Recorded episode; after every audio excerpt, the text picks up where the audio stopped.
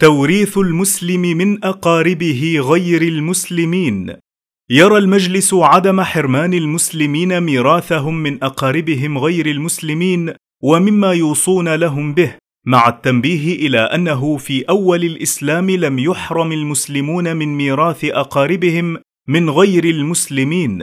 وهو ما ذهب إليه من الصحابة معاذ بن جبل ومعاوية بن أبي سفيان. ومن التابعين جماعة منهم سعيد بن المسيب ومحمد بن الحنفية وأبو جعفر الباقر ومسروق بن الأجدع. ورجحه شيخ الإسلام ابن تيمية وتلميذه ابن القيم.